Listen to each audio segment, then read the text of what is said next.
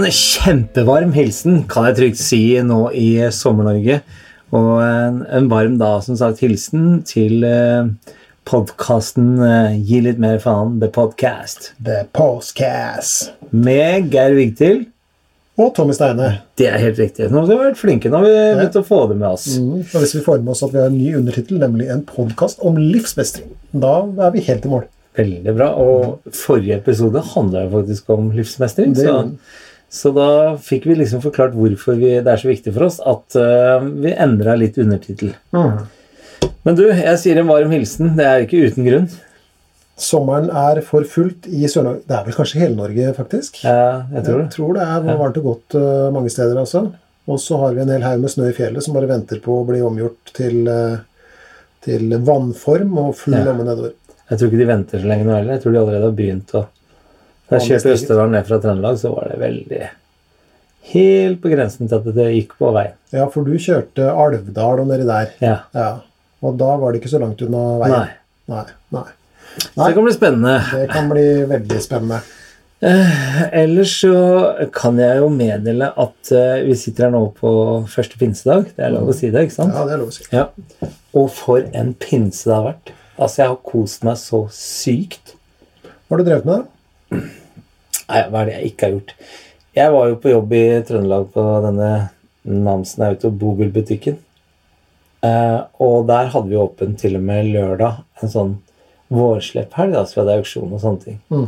En liten happening. Ja, en happening med masse folk, og det var faktisk fantastisk å være i Trøndelag òg. Så eh, Men det Jeg kom meg jo ikke hjem. Det gikk jo ikke fly eller ikke tog. Heldigvis er en del av den jobben jeg har, er å kjøre og hente biler og sånne ting. Og nå skulle en campingvogn hentes her nede på Sørlandet, så jeg fikk låne en bil. Så jeg kjørte hjem med en gang jeg var ferdig. Mhm. Så jeg brukte hele den fantastiske lørdagen med andre Alle andre var ute og båta seg og grilla seg og sånne ting. Da satt jeg i bil. Men det var jaggu verdt. For i hele går og i hele dag har jeg ikke gjort noe annet enn å kose meg. Jeg har spilt golf. Jeg fikk vært sammen med alle fire ungene mine i går. Vi hadde en sånn feiring av eldstemann sin eh, bachelor. Vi grilla. Jeg drakk til og med kald øl. Det gjorde du. Ja. Og det er en ganske sjelden foreteelse. Det har ikke skjedd tidligere i år. Nei. Så det Da var var det på tide. Ja, det var helt Jeg innrømmer det gjerne. Det var veldig godt. Ja, En Stella Artois, hva det ja, heter. ikke sant. Ja. Ja, fra Belgium. Fantastisk godt. Og vi spilte cub, og vi grilla, og så ble det så seint at vi grilla litt til. Og, og ingen av mine fire fantastiske deilige unger var noe opptatt av å komme seg hjem til sine respektive leiligheter. Mm. For vi hadde det så kos sammen. Mm, så bra. Og i dag sto jeg opp eh, halv syv, ute og fikk eh, dratt en runde golf før jeg kom ned hit til deg. Mm. And here I am. Here you are. Og du? Jeg har, som min eh, gudsønn eh, Markus sier sier Jeg har vært litt sånn innspo i det siste. Innspo. Jeg vet ikke riktig hva det betyr, men jeg tror det er litt sånn hipt. Hashtag inspo. Eller noe sånt. Det betyr jeg har vært på, jeg har vært på hengekøyetur med min kone. Heter det innspo? Ja, det er Jeg vet ikke Jeg tror vi lar den ligge, Ja. så vi ikke høres mer håpløse ut enn enn det vi faktisk Ja, er. det er lol, altså. Ja, det er lol. Mm. Men, eh, men eh, En hengekøyetur. hengekøyetur Ute i det fri. Guds frie natur i eh, Langesund i eh, Telemark, eller Vestfold Telemark som det heter nå, idiotisk nok. Mm. Eh, det var eh, solnedgang. Det var latter, det var sang. Det var helgefri. Det var sjø og magi. Det var det. Ja, det var det. Så det ble mye innspo, bilder, og det var veldig stas. Flott. det. Ja, i det hele tatt. Så det, det frister til gjentakelse. Jeg sov eh, i åtte samfulle timer i strekk. Så det var øl, berusende ord Sommer og sol. og sommer og sol. Og det var kjærlighet. Det var kjærlighet i massevis. Det er lyrisk. Det er Ja, nesten ja. skrevet en sang om. Du, kanskje vi er inne på noe? Ja. Ja. Bare sånn ja, øh, russende ord, det er sommer, det er sol. Jeg tror det kan bli en slag. Det blir hjerter i brann. Herregud, du har jo hele teksten klar. Nei, du er et, du er et unikum. Blikkstille vann. Du er flink gutt, ass. Ja, nei. Ære være tidenes sommersang. Mhm. Postgirobygget der, altså. Ja, det var det. Vi skal ikke prøve Men det var å stikke av med vellykka hele veien. Uh, vellykka hele veien. Uh, og det var Altså, vi, vi fikk jo bare Det viste seg nemlig at hele Norge er ribba for myggnett. Som at en fortvila eh, ansatt i en herværende sportskjede kunne fortelle at det er en nødlast på vei fra Kina, Kina Fra Kina. med 80 000 myggnett til det hardt rammede Norge. Vi må begynne å lage det sjøl. Ja, det kan du si. Ja, det bør vi. Vi bør ha vi bør i, i Ja, vi bør lage alt vi trenger sjøl. Ja, sjølforsyning, ja. Ja. ja. Der har du et godt poeng. Skal ikke inn på noen politikk her, men jeg syns det. Av og til så skal vi inn på litt politikk her, og Ja. Norge bør være i stor grad selvforsynt. I hvert fall med mat og, Og medisinsk utstyr og sånn. Ja, og myggnett. Og myggnett. Ja. Ja. For det er mye mygg i Norge, det skal sies. Det er eh, veldig mye mygg Mm. enkelte steder. Men i hvert fall min kone eh, fikk eh, ridderlig nok eh, myggnettingen. Eh, jeg lå uten. Eh, fryktet det verste. Hadde ikke myggspray engang. Men det var ikke ett stikk på sporet. Deilig. Så enten så var det ikke mygg, eller så er jeg aldeles uspiselig. Ja, det er, jeg husker ikke det, men det er hundmyggen går etter de med søtt blod eller noe sånt. nei. Jeg får faktisk ikke så veldig mye myggstikk, jeg heller. Men Linda, uh, Ja, hun kan få mye myggstikk. sier du det, ja. Og så var det gøy for at du, som jo jeg anser som en av de jeg kjenner med best struktur, og planlegger, og ting skjer etter sånn som du har planlagt det. Men det at det var pinseaften, det gikk deg hus forbi. Det gjorde det, ja. Det var noen butikkgitter som gikk ned rett foran nesa på meg, og det var en strek i regningen, men med litt eh, Med litt eh, For da fikk du ikke tatt den kalde ølen jeg tok. Nei, det Nei. gjorde jeg ikke. Men jeg dro innom eh, noen bra folk på Statelle Som du kjenner, da? eller? som jeg kjenner. Ja. Eh, det er faktisk da besteforeldrene til min gudsønn. Og de Ja. stilte velvillig opp med kald øl. Oh, så deilig. Mhm, Så bare putte i kjølebagen og reise av gårde. Men da lærte jeg noe. Ja, Eh, Da lærte jeg å sjekke i forkant. Og da jeg kom fram og skulle fiske makrell, så lærte jeg noe nytt, nemlig å sjekke utstyret før du drar på tur. For da var haspelen, tror jeg det heter, på snella eh, knekt, så da ble det ikke noe fisking heller. Men det var vel så hyggelig uten, altså. det var det. Ja da. Så det var fint. Og så biter vel ikke makrellen når det er så varmt, heller? Det sto noen og dro makrell ved siden av, så jeg tror det, altså. Ja. ja. Kanskje det var pinsehumør, den makrellen. Det kan godt tenkes. Man har drukket litt, antagelig. Antageligvis. Ja, noe ellers med noe som har skjedd nå? Nei, takk og pris. Så bra. Mm, Og det er jo en mantra vi har. det, Jo mindre som skjer, desto bedre er det. Ja, ja. Dess vanlig, dess bedre. Ja. Ja, dess, mer, eh, dess mer begivenhetsløst, dess bedre er det. Og det har vel heller ikke skjedd noe med meg denne uken her som er noe å trekke fram. Nei. Jo, det er det. Jeg må få arrestere deg der. oi. Fordi at øh, Nå er det jo da Skal vi se hvilken dag er det i dag? Det er mandag i dag. Dag eller mandag? Ja. I morgen så Mm. kommer den første filmen som du har øh, hjulpet Nav med å produsere. Ja! Så det har jo skjedd mye sånn sett. ja! Sånn sett så har det skjedd. Ikke sant? De er blitt ferdigproduserte, De er ferdig teksta og ferdig klippa og redigert, så nå er alle fem filmene klare tror jeg, til Mm. å vises. Så det blir spredt i det ganske land i morgen. Det blir veldig kult. Og jeg har sett dem, og de er veldig bra.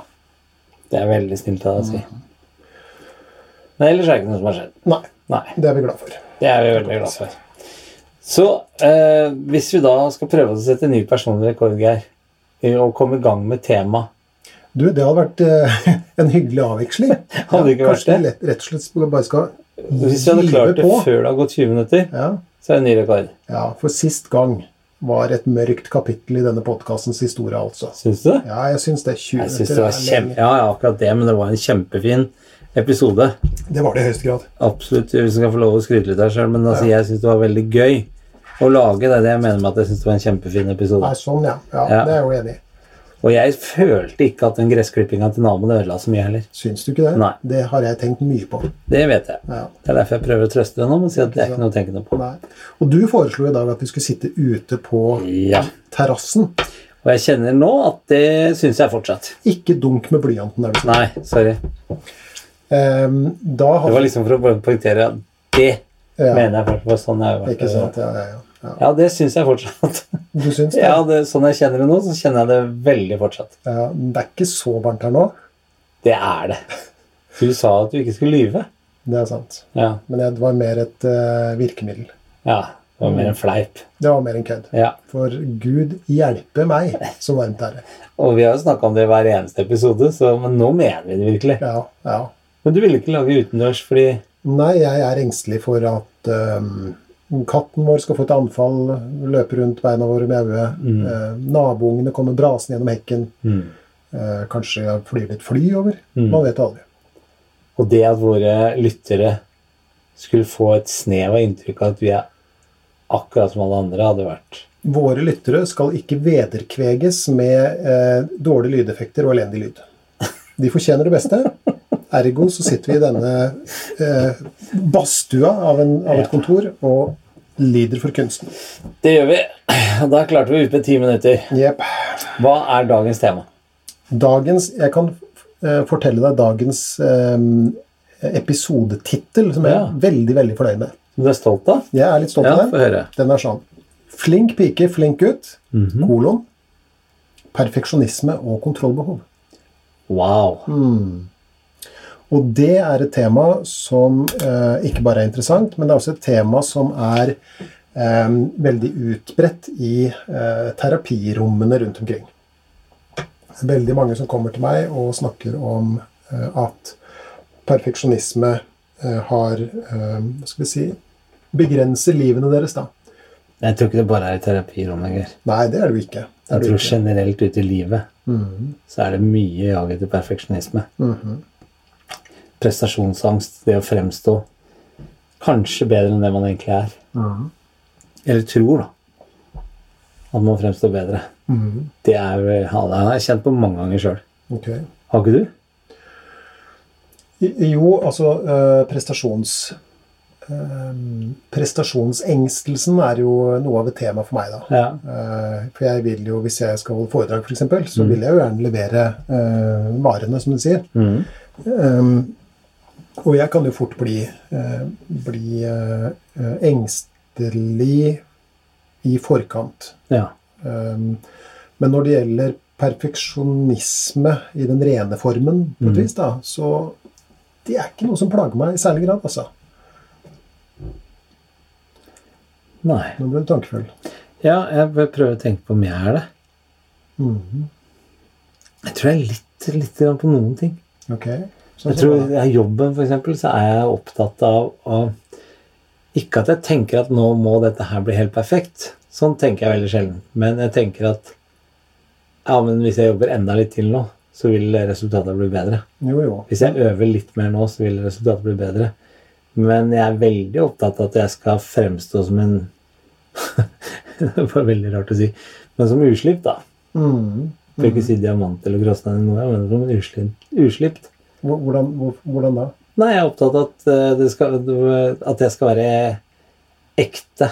Mm, Ok, så ja, Det er viktigere for meg enn at det er perfekt. Ja, ok. Fordi at jeg tenker at det å være opptatt av å gjøre en god jobb, f.eks., Mm. som jo du er Mm. Jeg har jo sett deg både før og mellom forestillinger, sagt. Og, Mm. og, og du er opptatt av at publikum skal ha en god opplevelse, og Mm. at du skal gjøre ditt beste, og, og, og sånt noe. Sånn at eh, hva skal vi si, de får det de betaler for, da. Mm. Men jeg tenker at det er en forskjell på det å ville levere Være opptatt av, av kvalitet osv. videre, og det å være perfeksjonist. Ja. For at i det øyeblikket du er perfeksjonist, da blir det liksom aldri bra nok. Ikke sant? Og da får du et, et jag og, og kall det et stress i livet ditt. da. Fordi at du eh, jager etter noe som kanskje til og med kan vise seg å være uoppnåelig. Er ikke det bra? Jo, som sagt, altså, det er jo skaffer ikke det oss fremdrift, og at vi vil noe mer. og... Jo, det er jo Det er jo um, Hva skal vi si Det er jo Det kommer an på graden av det, da. Ja. Ikke sant? Eh, Fordi at hvis du har det i en i en grad hvor det gjør at du yter ditt beste og igjen vil levere kvalitet osv., og, så og så setter litt sånn din ære i å, å, å, å være etterrettelig og så god du kan, kan bli på, på et vis. Men, men de som plages av det, Mm. det, det, det er en annen historie. Fordi at da er engstelsen og stressnivået og på en måte magesyra så uttalt da, i forbindelse med, med jaget etter, etter å prestere er en- og være perfekt. Det blir en plage. Ja, det kommer i veien for alt annet. Det, det er det du gjør. Du Ja. blir utslitt, og du blir engstelig, og du blir stressa. Og, og, og i verste fall så går det utover andre folk også. Ja. Fordi at det er Kan nesten si at det er to typer sånn eh, perfeksjonisme, hadde jeg nær sagt. Det ene er, er du kan kalle det, I mangel på et bedre ord så kan du kalle det en sånn slags sånn intern perfeksjonisme, hvor, hvor du skal, skal, være Sentrert rundt deg, liksom? Sentrert rundt deg og dine prestasjoner osv.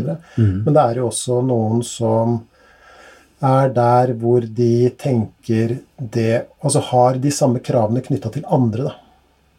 For eksempel, at man er perfeksjonist på vegne av andre. Mm, ja, det kjenner jeg igjen litt, ja. Ja, ok. Hvordan da? Nei, altså, det er jo Jeg husker når du og jeg vokste opp, som er, vi er omtrent like gamle, jeg er ett år eldre enn deg. Mm.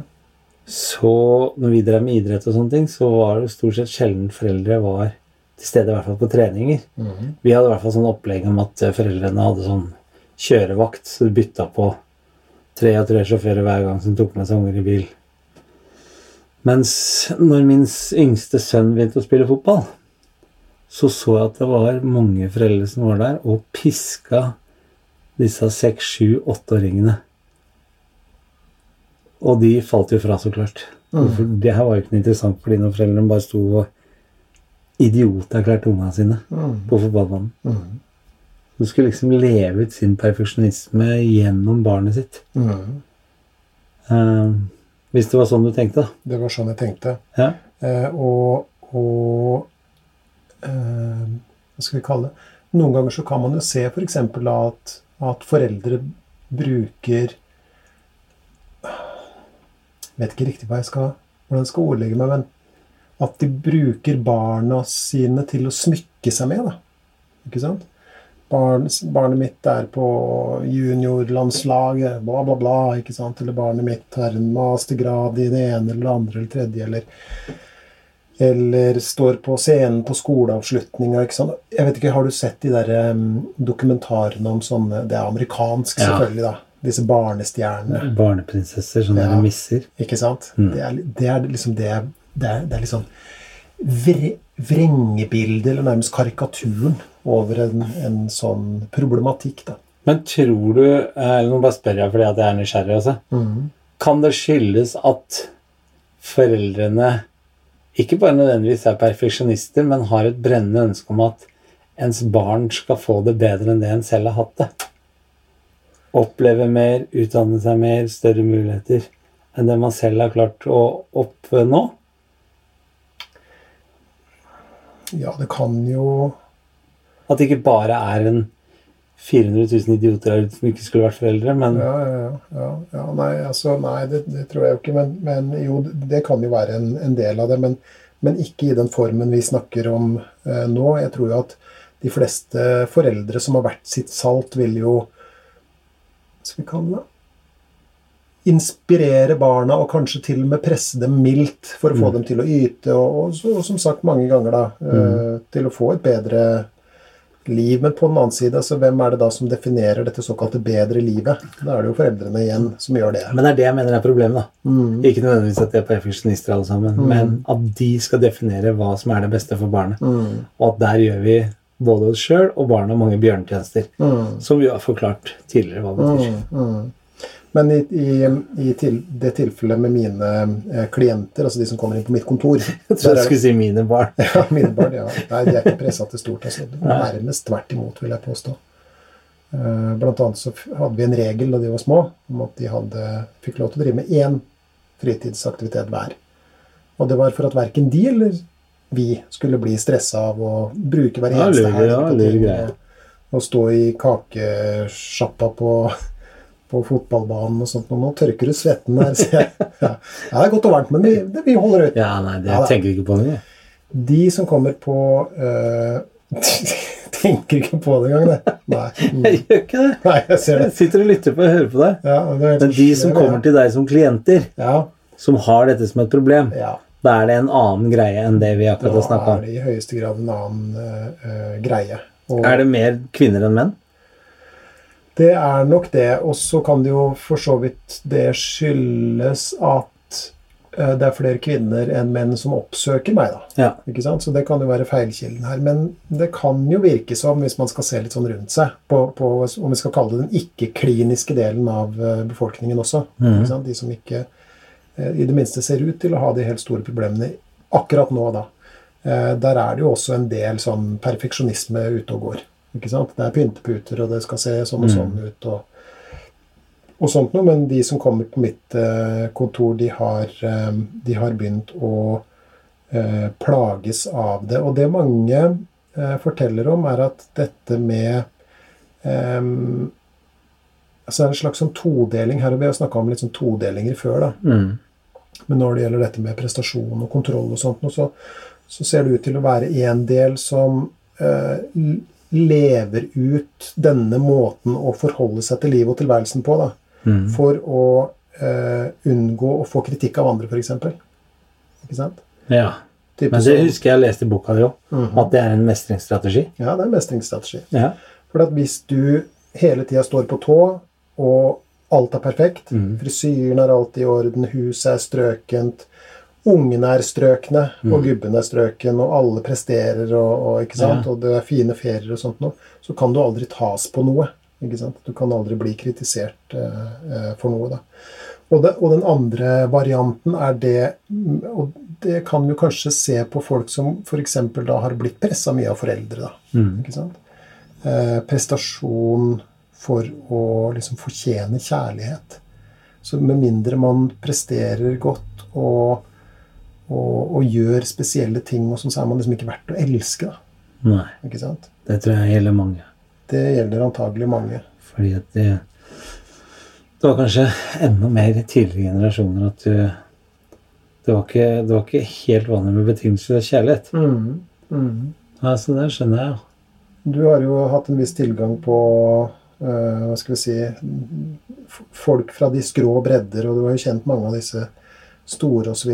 Av og til, når jeg, både når jeg ser folk som står på scenen, og også når jeg ser disse styrerommene fulle av dresser og smarte drakter og sånn som er så Så tenker jeg av og til sånn derre Er det mye Kan det være en, en del av de folka her som liksom Hva skal vi si Fremdeles prøver å tekkes mor og far, da? Mm. Sånn, Vise at de duger, og, og vise at de er, eh, er elskverdige, altså verdige til å elskes. ikke sant? Og, og som sagt, mange av de som, som møter opp på mitt eh, eh, kontor, har, har den type eh, problematikk i, eh, i, i kjernen av det de kommer med. Og det som, det som ofte ligger der, er jo en slags sånn, eh, Kall det en sånn angstvariant, eller en sånn bekymringsvariant. da, ikke sant? Man bekymrer seg for hvorvidt man er bra nok, eller man bekymrer seg for hvorvidt man kan komme til å få kritikk. Og så kjører man denne type mestringsstrategi. Og det kan jo fungere, og det kan fungere i mange år. det. Ikke sant? Det kan fungere aldeles ubefalende for den del. Og man kan tro at det er faktisk lurt å holde på sånn. Ikke sant? Mm. Men plutselig Så smeller det. ja, så koster det mer enn det smaker. Ikke sant? Og da sitter man der. Og så får man ikke til å opprettholde den der fasaden, ikke sant? og da raser verden. For mange. For tenk hvis de andre fikk vite hvem og hvordan jeg egentlig er. Mm. Da vil jeg bli avvist, da vil jeg ikke lenger bli elska, osv. Det tror jeg er mange som tenker. Det tror jeg også. Eh, Og mange kommer jo også på mitt eh, kontor. Dette er damene. Ja. For det mange da sier, er at eh, ja, så kanskje de forklarer et annet problem først, og så, og så kommer de liksom sirklende inn på dette temaet etter hvert. For det at mange ender opp med å si, og de bruker nøyaktig de samme ordene, så det er ganske snedig. De sier Du skjønner, jeg er sånn, jeg er sånn kontrollfrik, jeg, vet du. Ikke sant? Å, jeg se hva Ja, nei, jeg må liksom ha oversikten og, og ha kontroll på ting og, og sånt noe. Ja, men er det noe farlig, så er ikke det Nei, det begynner å bli plagsomt, da. Og det jeg hører dem si når, når de sier 'jeg er en sånn kontrollfrik', Ja.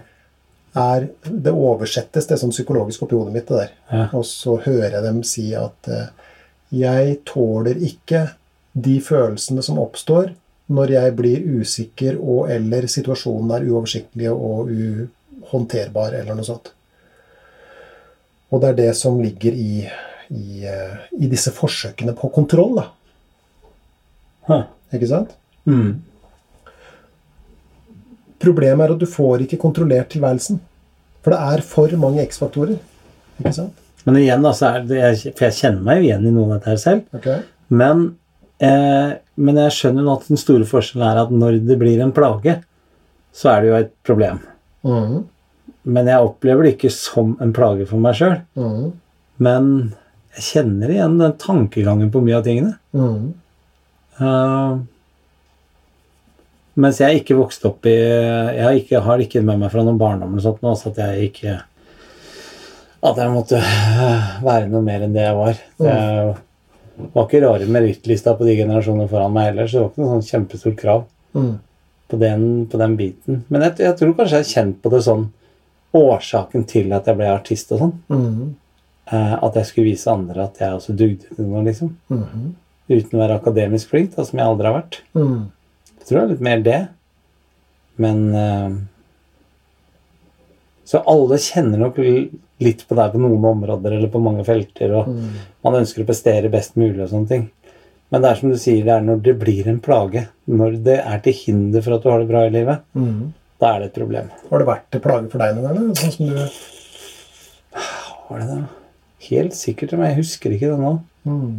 Men Men på den annen side så har jo du snakka om at, at det som si, da? Det som før var et behov for å prestere og vise at du liksom Mm. dugde til noe og sånt noe, Mm. det virker ikke som om du har det behovet like mye nå lenger.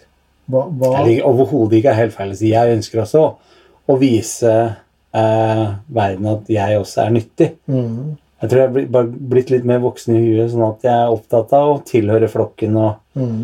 jeg ville jo ikke trivdes hvis jeg ble støttet av flokken i det hele tatt. Det vet jeg. Mm. Uh, så jeg ønsker jo å prestere på et visst nivå. Men jeg har nok ikke den sulten etter at jeg absolutt må være den beste som gjør det mest perfekte show, eller som gjør det mest perfekte karrierevalget, eller tenke meg om hva jeg kler på meg før jeg går i butikken. så ikke folk skal... Altså, jeg er mye, mye mer avslappa på det nå enn det jeg var før. Mm. Det hører jeg jo nesten på ordvalget ditt også, hadde jeg nær sagt. Altså, eh, fordi at der hvor du kanskje ville vise at du presterte osv. før, så sier du nå 'jeg vil være til nytte'. Mm. Og det er jo jaggu meg noe helt annet Ja. enn 'jeg vil bli kjent', 'jeg vil bli rik', Mm. 'jeg vil prestere'. ikke sant? Jeg vil være perfekt, på en måte. Jeg fikk merke det godt under koronatiden Ja. nå. Um, uh, også det er aldri så galt at det ikke er godt for noe osv. Ja, for meg så Jeg syns at det er, det er mange yrker og innsats av folk nå som har fått litt renessanse i den perioden her, sånn, som gjør at man Jeg hører jo det på måten folk snakker og sånne ting, at man omtaler ikke butikkansatte eller sykepleiere eller bønder på samme måte som man gjorde før. Nå er jo det vist seg å være liksom det vi alle må lene oss på når det virkelig stormer. Mm. Um, så, og, og sånn har jeg også fått erfare med at jeg har måttet ta meg disse jobbene som du har sagt rundt omkring. Og så si at ja, ja, jeg er nok ikke den beste de har ansatt på det området her, kanskje på alle områder, men jaggu jeg gjør nytte for meg. Mm. Og trives veldig med å kunne være til nytte. Mm. Ja, det er ganske øh, Ganske Jeg kjenner det bare på å lage den podkasten her òg. Ja. At du øh, med din profesjon eksempel, syns at det er nyttig at vi er to er sammen om den podkasten her. sånn. Mm. Det er sånne ting som betyr noe for meg. Mhm. Ikke at jeg skal kunne fortelle hele verden at jeg driver og lager podkast, mm. men at du og jeg har en sånn nytteeffekt på hverandre. Mm. Jeg kunne ikke laget denne podkasten her uten deg. Nei, Og vice versa. Gud hjelpe Ja, ikke sant? ja. Så eh, så er jeg nok blitt mer moden og mer opptatt av å kunne være til nytte, og gjennom den der nyttefølelsen så har jeg fått en ny sånn tilfredsstillelse som jeg ikke har hatt før. Mhm, mhm. Jeg, jeg, har litt samme tankene Ja, det det? Og, og samme observasjonene. Og jeg tenker også at eh, hvem har jeg hatt bruk for under koronapandemien? Mm. Jeg har hatt bruk for f.eks. bonden. Mm. Jeg har hatt bruk for de butikkansatte. Mm. Eh, jeg har heldigvis ikke hatt bruk for helsepersonell på den måten. ikke sant? Men tryggheten din så Men tryggheten osv. Jeg har ikke hatt bruk for influensere, f.eks. Nei. Og en del andre sånne eh, funksjoner som er det Konsulenter på alle slag. Ja, ikke sant? Mm. Eh, fordi at det er litt mer sånn det er litt mer om vi kan kalle det et overskuddsfenomen. da. Mm. Og jeg må jo si, og, og med all respekt for både redsler og tragedier som har vært i forbindelse med denne eh, pandemien, men jeg tror jo kanskje at mange av oss har fått øynene opp. Litt ikke mer. sant? Og, og, og kanskje har fått en reorientering selv, da. Mm. Fra eh, Håper jeg, i hvert fall. Ja, det er jeg overbevist om. Fra litt sånn som du sier, dette med å kanskje være mer opptatt av eh, yrker som gir status og penger og sånn som det her, og, Ja. og mer over til det som er nyttig. Det håper Litt jeg. mindre overflate. Litt mindre overflate. Ja. Men, eh, men hvis jeg, jeg skal stille spørsmålet eh, Fordi du har sagt mange ganger så har sagt sånn eh, også i dag at vi, vi stiller sånn urealistiske mål. da. Mm. Eh, og det mener du det er mange som gjør. Ja, i hvert fall mange som kommer og, og snakker om det her som et, et eh, problem. Ja? Eh, og hvis man skal leve et liv eh, med, med ekstremt høye eh, standarder, så vil man jo fort bli Eller ikke fort, noen kan jo holde på noen år, faktisk, men før eller senere så blir alle slitne av det. Men hvordan veit man på forhånd at det er realistisk eller urealistisk? Det er ikke så godt å vite. Nei, Og det er det som også er, er, eh, er noe av um, problemet, hadde jeg nær sagt. Eh, fordi at noe, man kan drive, noe kan man drive med en stund, og så oppdager man igjen da, at, det er en, at det kommer med en eh, pris. Mm. Em, det, er jo, det er jo noe som man refererer til som om det var en diagnose. Det er det på ingen måte, men det har blitt et sånt begrep på folkemunne også. Da. Det er det som kalles flink pike. Ja. Vært borti det? ja. Og det er jo et uttrykk for folk som alltid strekker seg, som alltid skal være alt for alle, eh, og gjøre alt for alle, og ikke skal ha, helst ha noen feil. em, alltid stiller opp for jobben, alltid stiller opp for foreldrene, osv. osv. Men det er ikke så godt å vite mens du holder på, at det er det du gjør. Nei, det er det ikke. Eh, og det er jo noe som dessverre da kommer med hva skal vi si, livsvisdom og, og erfaring etter hvert. Og, og ofte så kommer ikke den erkjennelsen før man liksom har fått seg en ordentlig en på trynet. liksom. Og? Der mista podkasten samtlige under 16-18 år. Ja, Nei, men det, altså, er jo, men det er jo noe med det. det er noe med det. Og vi har sagt det før, jeg syns det er så fint. Det kan vi godt repetere, fordi at man har vanskeligheter for å innse en del av de tingene her sånn. Og det nytter ikke uansett hva folk sier. Ja, men du er for mye, nå må du ta bedre vare på deg selv. Nei, nei, nei. Fordi Så lenge du ikke oppdaga det selv, så er det jo nesten håpløst. Da får man noen til å endre det. Mm. Eh, og en annen ulempe for folk som er yngre enn det du er, da, Mm. er at man har kanskje ikke noe erfaring med at ting blir bedre, eller ting går over, eller at ting er godt nok. Mm. Mm. Og det er jo også noe så, Ikke sant? Bakgrunnen for denne boka, da, Mm. 'Hvordan gi litt mer faen', det var jo denne ut, uh, den uttalelsen til Per Fugelli Mm. om at en god resept på et godt liv er å gi litt mer faen. Mm. En annen som Eller hva skal vi si Mange syntes Eller mange lengta litt etter å kunne gi litt mer faen. da. Mm.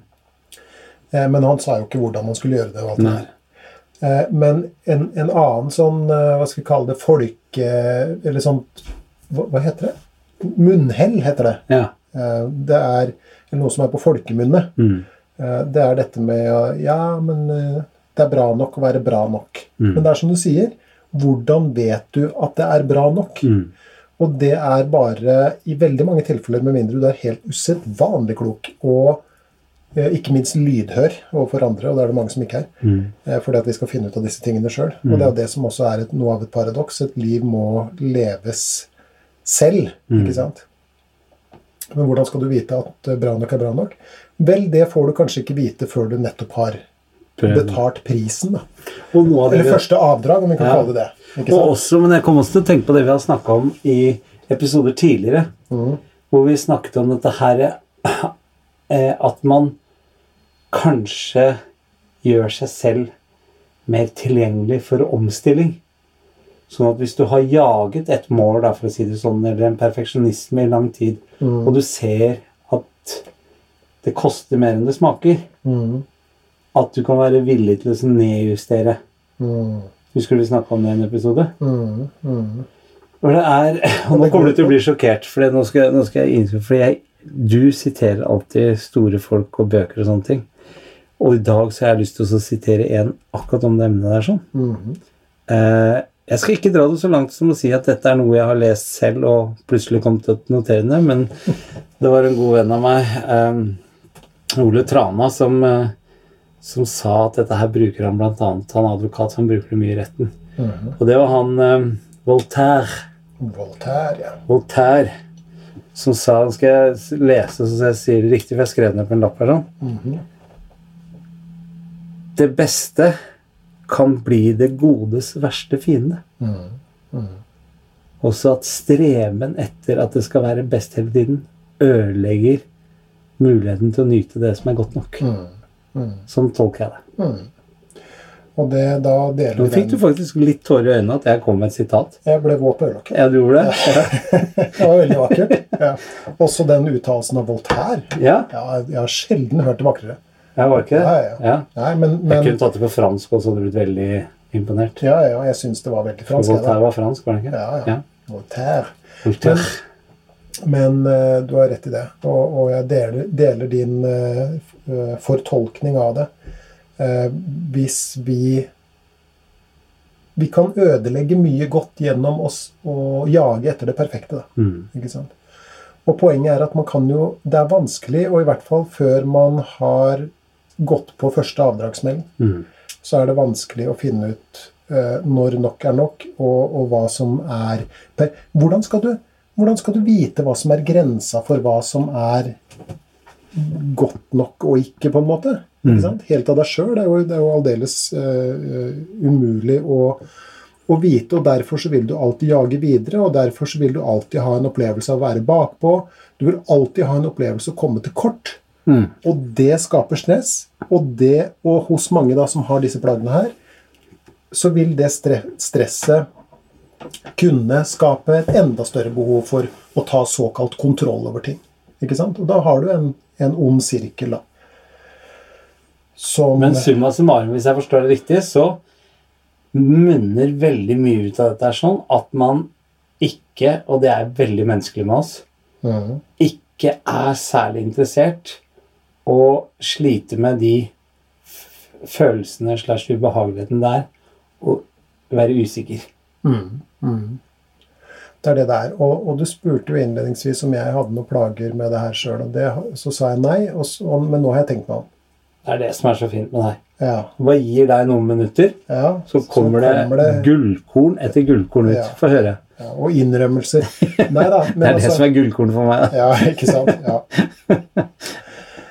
Hvis man øh, Hva skal vi si Hva er det du sa akkurat nå? Du sa at du måtte tenke deg om. Jo, men så- før det så sa du noe lurt. Og det gjorde at jeg tenkte meg om. Oi. Jeg, jeg siterte Voltaire. Nei, det var etter det, skjønner du. Det var etter det Ja. Nei. Jo, jo, det var følelsen av usikkerhet og osv. Ja. Ikke sant? Ok, så, så her har du en sånn variant hos meg. Ja. Jeg skrev jo denne boka. Ja. 'Hvordan gi litt mer faen'. Ja. Den brukte jeg rundt to og et halvt til tre år på å skrive. Mm. Um, og det var ganske jevn skriving. Problemet er at hvis du har tilløp til det her, da Jeg har ikke sånn fulminant, liksom. Ikke sant? Um, eh, f- fulminante plager med det her, men, men jeg har Kall det litt sånn delplager eller tilløp. Mm. Og det en slags sånn perfeksjonisme, i hvert fall på det området, kan føre til, da, er at man, altså i dette tilfellet jeg, Mm. sensurerer meg selv. Mm. Og hvis jeg sensurerer meg selv for mye, Mm. så kommer jeg aldri i gang. Nei, Ikke sant? men det gjør du ikke. Hvis du ikke hadde, hvis du hadde snakka om til meg nå for tredje året på rad at du holder på med en bok, Mm, men den boka kom aldri, mm. Så er jeg enig med deg. Da hadde du hatt et problem med det. Jo, men her, her er et, her er et eh, Og, og nå, nå, det, nå blir det kult å høre om du kjenner deg igjen. Ja. For dette har med kreative prosesser å gjøre. Ja.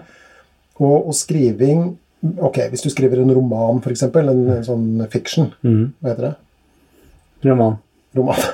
ok, ja. Noe som er opp... Novelle. Ja, ikke sant? Noe som er oppdikta, da, da, da bruker du jo kreativiteten. Mm. ikke sant?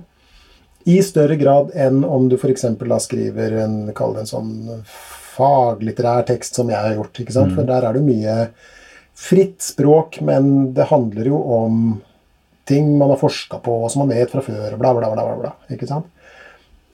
Men hva skal vi kalle det, da? Den kreative delen kan du drepe i deg selv hvis du hele tida sitter og tenker Hva vil de andre tenke hvis jeg skriver det sånn? Er dette riktig? Går det an å gjøre det annerledes? osv. Mange som er i skriveprosesser, Mm. og det her er noe jeg øver intenst på, Mm. de forteller at det aller lureste de gjør, på en måte, da, det er å bare øse ut, helt sånn usensurert, det som er i huet på dem. Og så får de heller finpusse på det etterpå.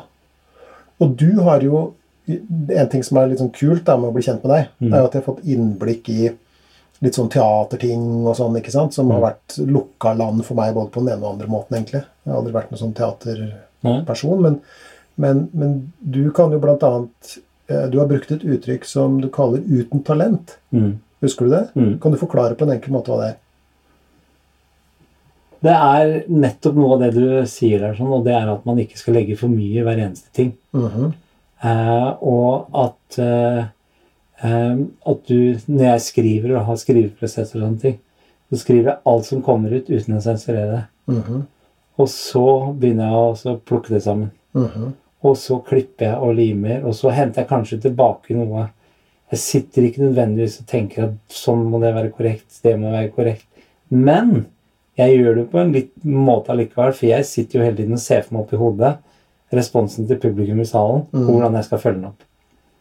Så jeg ser jo alltid for meg en sal på 300-400 mennesker. Mm. At jeg står og gjør de tingene. Hvordan vil du respondere på det? Mm.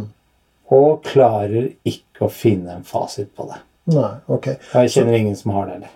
Nei, for da, da er du, om vi skal kalle det, friere i hodet Mm. enn det jeg er, da. For at jeg kan i den type prosesser eh, Til og med hvis jeg leser La oss si at jeg skulle lese en skjønnlitterær tekst, da. Ja. Så, så, og hvis jeg da sitter og leser den, så kan jeg underveis i lesinga sitte og nesten sånn metalese, hvis du skjønner hva jeg mener. ikke sant? At jeg tenker sånn ja, Det ville jeg formulert annerledes. Nei, det ordet passa ikke inn der. ikke sant? Og så ødelegger jeg for meg sjøl, på en måte.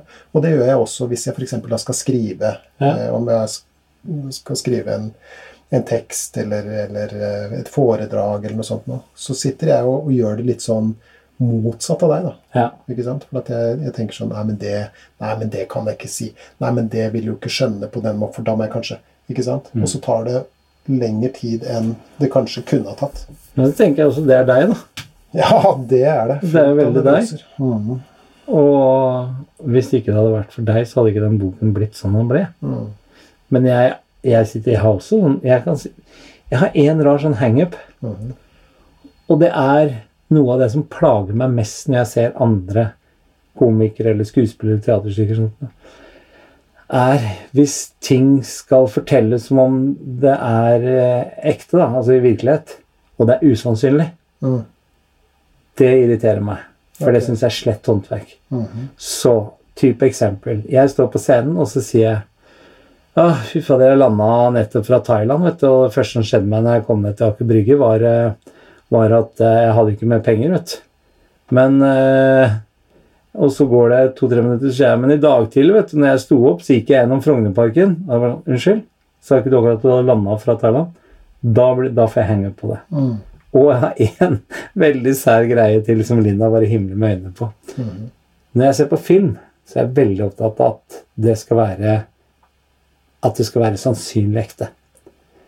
Og for meg som er flygeren, så er jeg veldig hang-up på For det er veldig ofte en sånn transportdistanse hvor de skal ta av fra en by, og så er det en film fra når de sitter inne i flyet, og så når flyet lander igjen. Hvis det er tre forskjellige flytyper, så klikker det for meg. Oi, ja, det har jeg aldri lagt merke til. Nei. Der er du perfeksjonist. ja, der klikker jeg helt. Ja. Og spesielt fordi ofte så er det bilde av et gigasvært jumbojetfly som tar av, og så ser du inn i en trang kabin hvor det bare er plass til fire stykker ved siden av. Da, da tilter det for meg. Da bare slår jeg av. Såpass. Ja. Og så lander liksom en Concorde etterpå. Mm. Det er sånn Det er for slett håndverk. Mm.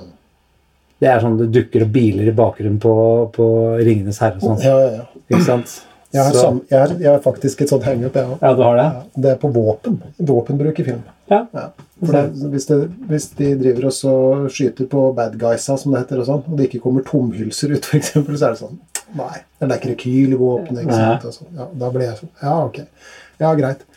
Um, Så, men igjen så syns jeg eh, Det som er gjennomgående her, sånn, hvis jeg, sånn jeg oppfatter det litt som det du sier, da, mm, er jo at alle de tingene her har jo sikkert Vi har hengt på masse forskjellige ting eh, eh, som, som eh, Jeg husker Anne-Kat. Hærland hadde en herlig hangup på hun hvis hun bestilte taxi. Og det kom maxitaxi, hun måtte sitte aleine. Det gjorde jeg aldri. Nei, hun blånekta. Bare sendte den av gårde. Mm. Det skulle hun ikke ha at hun satt aleine foran en maxitaxi. Mm. Så vi har forskjellige typer hangup alle sammen. Mm. Men det er når det blir til en blokkering i livet mitt å ha det bra. Mm. Da først syns jeg det er et problem. Mm. Og du kan godt si at du kunne godt tenke seg at du hadde skrevet den boken her et halvt år til fortere, da. Om å gjøre disse såkalt korrekte tingene. Mm. Men punkt én, det hadde ikke vært deg. Og punkt to, du fullførte. Mm. Og da kommer vi inn på det som jeg syns vi starta litt den derre runden her med. Det er faen hente meg godt nok. Mm. Ja, jøsse da. Så, men, hva, men når du får disse klientene og, inn så sliter med dette, sånn, hva er gangen i det? Hva er det som gjør det? For de blir jo kurert for det. Eller Ja. de mestrer å leve med det på en annen måte, er jo egentlig mer riktig ord enn Det kurert. Det, vel, det syns jeg var godt uh, henta inn, Ja. altså. Ja, for kurert hva det huleste er det, liksom. Jeg så, trenger jo ikke rare neserykningene for at jeg skjønner at det er ordlagt meg feil. nei, riktig. Nei. Nei, da. Nei, men, uh, men du blir jo stadig bedre. Det skal Det, det skal jeg ha. Ja, ja. Men perfekt blir du antagelig aldri. Nei, heller ikke heldigvis. Heller ikke jeg. Nei, altså Det første vil jo være å få eh, denne personen med på å bruke litt andre ord, da. Ja. Fordi at hvis du definerer deg selv som en kontrollfrik, så er vi der at kontroll er nødvendig. Ja. Ikke sant? Eh, men med en gang vi begynner å snakke om om ikke, ikke et kontrollbehov, men en Jeg, jeg bruker ofte et, et spesielt eh, ord. Mm. Jeg sier det høres ut på meg som om du har en, en usikkerhetsfobi. ja. Ikke sant? Eh, og, og det vil da si at hvis noe i tilværelsen er usikkert, så reagerer du gjennom å forsøke å ta kontroll på det på en eller annen måte. Og den er folk med på. Ikke sant? Og så sier jeg jo tenk hvis Kan ikke si det rett ut. ikke sant? Må jo ha, i, i Man har gått noen runder. ja, må har gått noen runder. Og så må vi, må vi eh, hva skal vi si da, gi inntrykk av at, eh, at vi har diskutert det her. Ja. Ikke sant? Men, men eh, jeg sier at tenk hvis det er sånn at det ikke er det såkalte kontrollbehovet ditt som er problemet, men, men at problemet er at du tåler det å kjenne usikkerhet inni deg litt dårlig. Mm. Tenk hvis det går an å øve på det. Hvordan hadde det vært? Og da sier jo 99,9% at det hadde vært ganske kult. Og så er det det vi gjør. Ja. Ikke sant? Så, så veien ut er å begynne å tenke annerledes eh, om det. Og, og det andre er at noen ganger så er det sånn at Nå skal vi ikke skylde på foreldre, og sånn, men, men la oss gjøre det for en gangs skyld. Eh, Det, det var jo så populært i psykologien en stund, og ikke fullt så populært lenger, for så vidt. Men, men la oss nå anta at du hadde veldig sånn kravstore da, foreldre som, som sa at med mindre du får seksere så Nå setter vi det skikkelig på spissen. Ja. Med mindre du får seksere, så er du ikke verdt å elske omtrent. ikke Mm. sant? Og, og sånn. Eh, da kan man si at du har fått overlevert en, en historie om deg, på en måte, Ja. fra noen andre. Men så er det også sånn at mens vi lever, og alle liv er en historie, Ja. så lager vi oss eh, kjøreregler eh, basert på erfaringer osv. Og så kan det tenkes at vi lager oss selv noen regler som f.eks. at med mindre jeg presterer sånn og sånn, så fylle ut det som måtte passe. Ikke sant? Det vil da si at det kan være regler som er satt ned av andre og overlevert til deg som du bærer videre i livet. på en måte. Og så kan det være regler du har lagd uh, sjøl. Mm.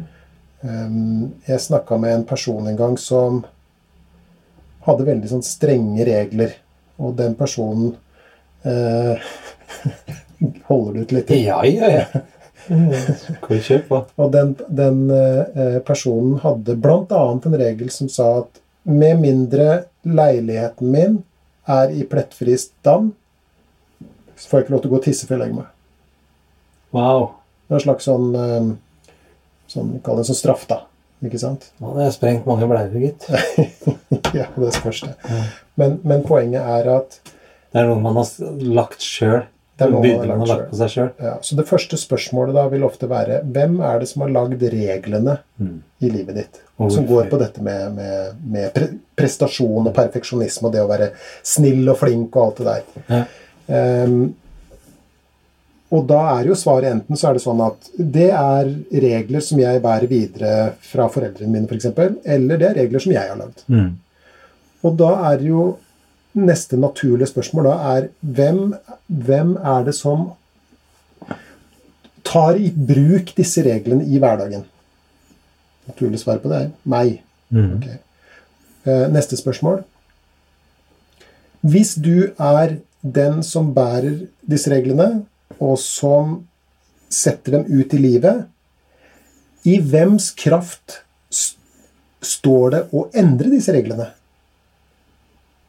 Og der er også det naturlige svaret nei, Ikke sant? Eh, og neste eh, og avsluttende spørsmål er er du villig til å endre de reglene du lever etter?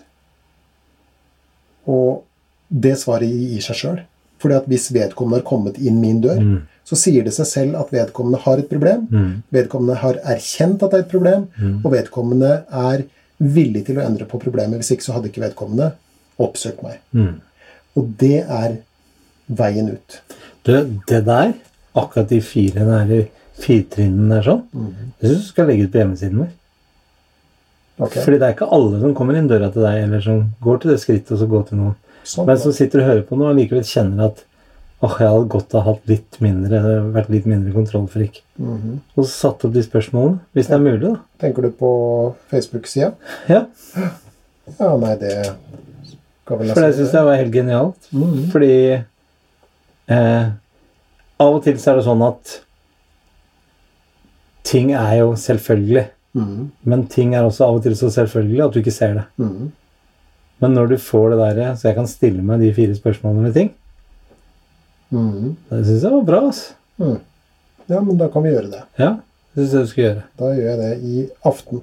I aften allerede. Mhm. I aften allerede. Ja. Du skal nyte sommerværet og sånn. da. Det er, det er ikke noe krise om du kommer i morgen. Det er godt nok, det. Ja, men du skjønner at det her skal ut i morgen tidlig klokken 05.00. Og Håkon hos Moderne Media, stakkar, han venter ikke på noen. Og han fortjener vel kanskje å få disse filene snart? Men han sitter på et eh, airconditionert rom inne i Oslo. Tror du det? Ja, garantert. Det er ingen som har dårlig luft på eh, arbeidsplassen sin enn det du er. Jeg vet om folk på Svalbard som hadde større oksygentilførsel i det rommet de jobba i, enn det du har nå. Såpass, ja. Ja. Nei, men det, det er jo Du, du hadde en litterær referanse i stad. Ja, har du det nå? kan ikke være dårligere, altså. Nei, for det var det jeg Nei, tenkte. Okay. Kommer det ikke noe? nå? For, jo, men Ja. hør, hør på dette nå. Ja. Fordi at perfeksjonisme og kontrollbehov handler i bunn og grunn om at man har en lav toleranse for livets uoversiktlighet, usikkerhet og uforutsigbarhet. Ja. Vi kan kalle det det. Da får jeg vonde følelser inni meg når jeg ikke har kontroll på det. Mm. Men hold deg fast. Livet er det som skjer deg mens du legger andre planer. Ho, ho, ho, ho, ho. Mhm. Hvem sa dette? Hvem sa det? Hvem Har du vært borti det? Nei? Hørt det før? Noe Allah, tror jeg? Ja, ok. Ja. Livet er det som skjer deg mens du legger andre planer. Det er jo en variant av det f.eks. han eh, bergensprofessoren Ingvar Ja. Wilhelmsen sier. For han sier livet er et usikkert prosjekt. Ja. Så han har antagelig hørt det sitatet her og, og skrevet om litt. Grann. Den som visstnok skal ha sagt det her, var John Lennon. Var det det? Og John Lennon, vi vet hva som skjedde med han. Ja. Han skulle av gårde på et party eller et eller annet sånt som er, Og så insisterte han på å dra tilbake fordi at han hadde glemt å si god natt til sønnen sin. Og så kom han inn i oppgangen på blokka der de bodde i New York. Der sto det en fyr og spurte etter autografen. Det fikk han. Og så skøyt han John Lennon etterpå. Så John Lennon hadde helt rett, da. At livet er det som skjer deg mens du legger andre planer.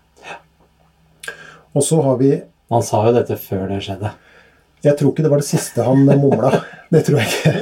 Selv om det hadde vært et veldig fint sånn siste ord. Ja. Ja, og det er jammen nesten noe vi burde hatt en egen episode, for der er det ganske mange eksempler på hva folk har sagt på, på dødsleiet som sin siste ord. Og det har vært ganske bevinga ord, mye av det. Oi. Noe har vært bare sprøyt, selvfølgelig, gurgling og sånt, men, men mye av det har vært, eh, vært veldig eh, bra. Eh, og et annet eh, sitat i Ja, der kom det en til jeg måtte ha, da. hør nå, ja. Ja. Det her er enda dypere enn John Lennon. Dette er Konfusius. Så det her er høngammelt. Mye tyder på at, at en del av det eh, Jesus f.eks. er tilskrevet og sagt, stammer fra Konfusius. Ja. Men i hvert fall, eh, Konfusius skal ha sagt heller en diamant med en feil enn en feilfri småstein. Å, Var ikke det vakkert? Det var vakkert. Du bør nesten lage noen T-skjorter med det. Det syns jeg vi skulle gjøre. Ikke sant? Det synes jeg. Ja, det var Så Nå skal jeg kontakte en T-shirt-kompisen vår i Trøndelagen når jeg kommer oppover igjen. nå. du skal det, ja? Ja, nå skal vi kontakte må vi ha noen T-shirts, sånn så, så folk kan uh, få litt sitater. Mm, det har vært Eh, veldig vi kult. må ha én T-skjorte hvor det står uh, 'Postcass'. Mm, mm. Må du ha. Ja, det må vi ha. Og så én T-skjorte med alle disse her eh, forskjellige versjonene dine av alfakrøll. Du tenker det? Ja, jeg regner med at det kommer en i dag også. Det kan tenkes. Ja. Ja. Men før vi kommer dit igjen, da. Mhm. Hvis jeg som, som den ulærde av oss kan prøve å oppsummere litt, grann, så må jeg jo si flink gutt-syndromet har jeg ikke hørt så mye om. Jeg har hørt flink pike-syndromet. Det er mye flinke gutter der ute, og det skal sies. Ja, ja. altså. Er du, er du gal? Er du gal? Er Kan du kan jeg bare få en innskutt bisetning? Det var Jeg venta bare på det. ja. Du har ikke fått med Som deg på gruppenivå. Du har ikke fått med deg ukens ord. Nei, Det gikk deg hus forbi. hva var det? Nei, da får du vente og se. Det, jeg skal skrive det i episodebeskrivelsen. Nei, du må jo si det. Jeg kommer ikke på det, jeg må høre på episodene. Men jeg sa det i stad, jeg husker det. Ok, så Flinke piker jobber ofte i helse og omsorg, Mm. hvor de har en ekstrem omsorg for pasientene sine. Mm. Og flinke gutter jobber ofte i, og det her er veldig på gruppenivå, På gruppenivå. men de jobber ofte innenfor IT og sånne grenseløse yrker hvor de må være tilgjengelige hele tida. Mhm. Så det er, det her er ikke kjønnsbundet, altså. Nei. Selv om flink pike jo har blitt et begrep. da. Ja, Med en oppsummering. Ja, altså flink pike og flink gutt-syndromet. Vi kan jo begynne med, med det siste først. Eh, bare sånn for å kartlegge de to eh, uttrykkene, er jo at det er jo ikke et kjønnsbasert dette her. Mhm. Så derfor så viser det seg jo at flink piker, flinke piker, ofte jobber innenfor helse og omsorg, hvor de har ubegrensa omsorg for pasientene. Og flinke gutter jobber ofte i IT-konsulentbaserte yrker, hvor de kan være tilgjengelige hele tiden. Mm. Og så er det en innskudd bisetning til jeg har lyst til å legge inn. For det, det, syns det virker som du sier. da. Så jeg skal ta med i oppsummering, så følg med på det ordet som jeg kommer til. Så bare skrive det opp, så jeg ikke eh, glemmer det. Mhm. Alle har vi et ønske, en driv, etter å gjøre det så bra som mulig. Mhm. Eh, Det er noe av det som driver oss framover. Men det er når perfeksjonismen kommer og blokkerer livet, for, for å si det sånn på enkelt folkespråk, da. når det kommer i veien for å ha det bra, så blir perfeksjonisme og kontrollfriks, eller kontrollfri Ja, heter det? Hva heter det? Behov for kontroll. Mm. Når det kommer i veien for å ha det bra, så blir det et problem. Veldig mange av pasientene som kommer til deg, sier jo at det er blitt et problem for dem. Og der har du en sånn veldig fin firetrinnsrakett som vi skal sette ut på Facebooken vår, hvor du stiller spørsmål når de har alle disse reglene som de forplikter seg til. Og det verste tilfellet du nevnte i dag, var en som straffet seg selv med at det var ikke lov å gå på do før leiligheten var prikkfri. Men eh, det kan enten være at det er overført eh, fra foreldre, regler, eller du har satt reglene sjøl. Um, og det var også en, en deling der oppe også. Du kan være perfeksjonist på egne vegne, men du kan også være perfeksjonist på andres vegne. Typ foreldre som prøver å få barna til å yte innenfor skole eller idrett eller, eller lignende. Men eh, veien ut, sånn jeg forsto det på deg, eh, felles for det er å kunne være villig til å se på disse reglene om punkt én det blokkerer livet ditt. Punkt to om de er villige til å omstille seg og senke på de kravene sine. Nedjustere kravene, nedjustere reglene. Eh, det kan være veien ut av det. Voltaire sa jo noe som Jeg mener jeg husker riktig, så sa han noe sånt som Det beste kan bli det godes fiende.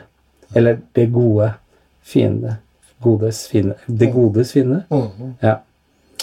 Eh, og det forsto vi med at eh, noen ganger så kan streben etter det perfekte ødelegge for nytelsen av det som er godt nok. Mhm. Det er så klart vanskelig å finne ut når ting er urealistisk, eller om det er godt nok.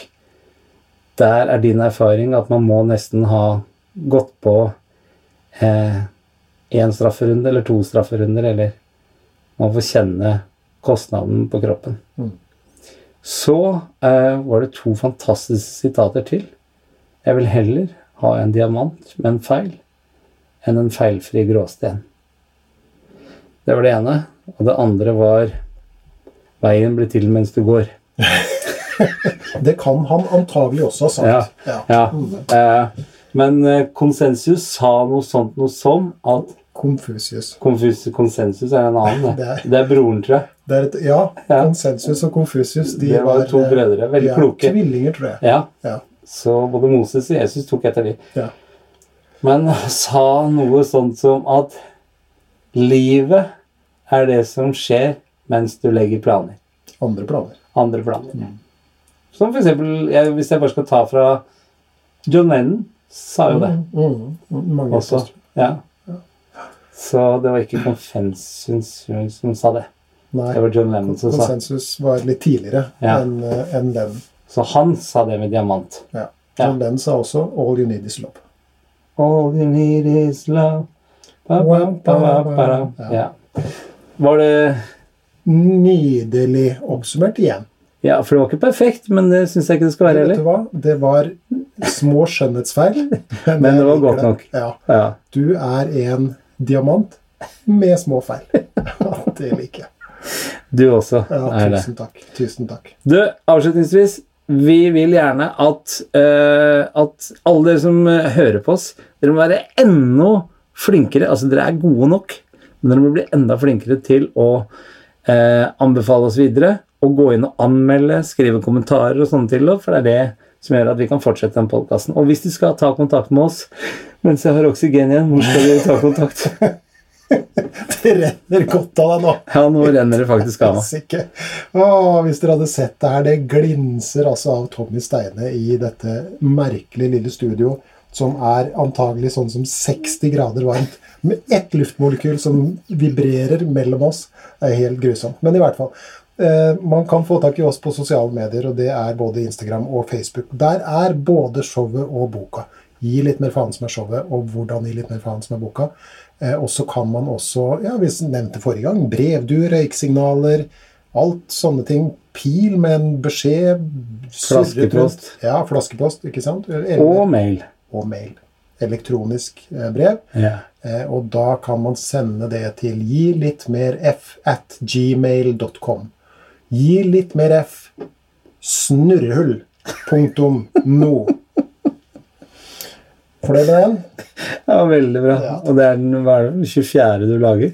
Det er noe sånt. Det er veldig bra. Har, det er flere der det kommer fra. Det er så godt å høre. Mhm. Du ses om eh, en uke, da. Hvis vi overlever det her. Ja, det gjør vi. Vi gjør det. Herregud, Det minste Det her er jo Jeg merker det omtrent ikke. Du, det renner godt av dette at du ikke merker det. Ja, men det er fordi jeg er glad. okay. Takk for i dag, da. Takk for i dag. Vi ses.